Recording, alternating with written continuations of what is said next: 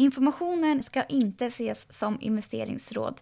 Tänk på att placeringar i värdepapper alltid medför en risk. Historisk avkastning är ingen garanti för framtida avkastning.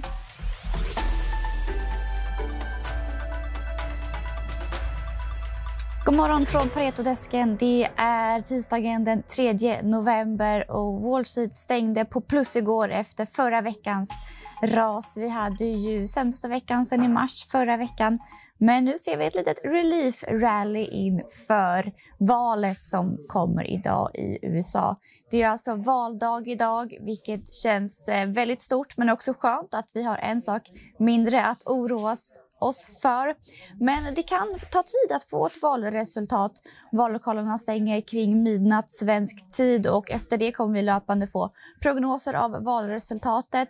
Som det ser ut nu så pekar undersökningar på att det är Biden som leder. Eh, men det är ganska jämnt så det kommer bli spännande i natt och i morgon. Men det kan som sagt ta tid och vi får se när vi får ett valresultat. Här i Sverige då? Jo, vi väntas få en positiv öppning på Stockholmsbörsen och på Paretos morgonmöte har vi bland annat pratat om eh, Bull Diagnostics, Hexatronic, Magnolia och SCA. För eh, Bull Diagnostics så har vår analytiker Christian Lee släppt en preview inför kvartalsrapport rapporten och det ser lite tufft ut för bolaget. Covid-19 situationen har påverkat Bulldiagnostics negativt, men eh, vi förväntar oss ändå en återhämtning i Q3 om vi jämför med Q2 som var väldigt svag.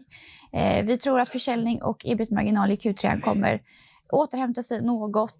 Vi har en köprekommendation på bolaget. Vi sänker riktkursen något till 67 från 72, men vi upprepar köp. Magnolia har redovisat ett bra eh, kvartal som vi också pratar om på morgonmötet. Bolaget visar på starkt kassaflöde, vilket har varit ett problem tidigare för bolaget. Men på senaste tiden har de ändå kunnat visa på starka kassaflöden. Vi höjer riktkursen till 78 kronor aktien från tidigare 71 och vi har en köprekommendation. SCA fortsätter att säga prispress. Där har vi en säljrekommendation men vi höjer riktkursen något till 106 från 100.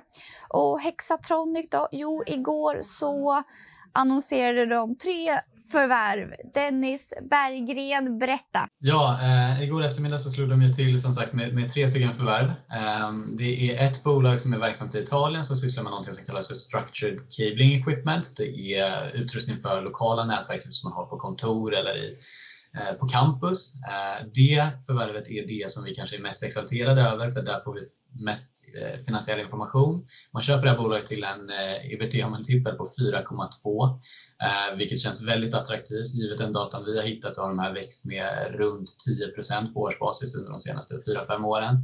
Ehm, och verkar vara liksom, en ledande aktör på en, på en nischmarknad. Där. Så det, det känns jättespännande och kan på längre sikt eventuellt kanske även vara ett steg in eh, för Hexatronic att ta del av den italienska fiber till hemmet-marknaden.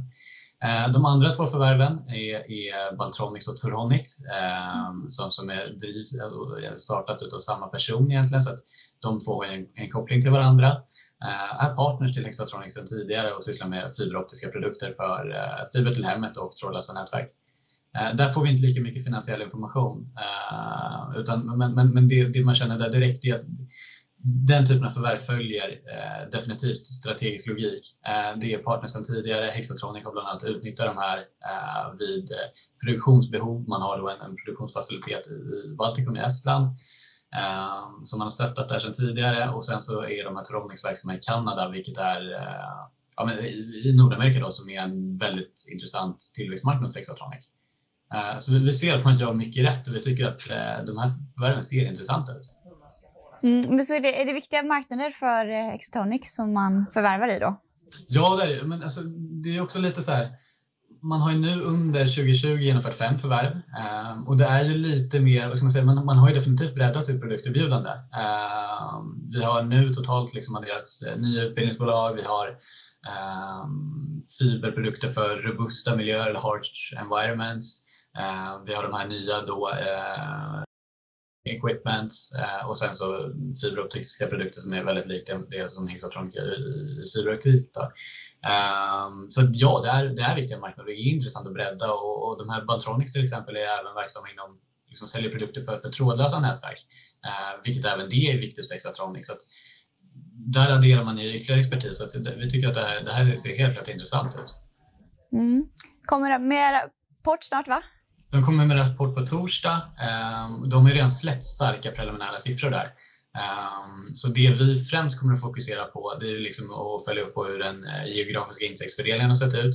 Vi räknar med att se ganska stark tillväxt i Rest of Europe och eh, även se en stark svensk marknad faktiskt. Eh, för de preliminära siffrorna indikerar ju att, att saker och ting går starkt och det är väldigt intressant att passa på att nämna det att trots covid-19 impact så har Hexatronic klarat sig väldigt väl.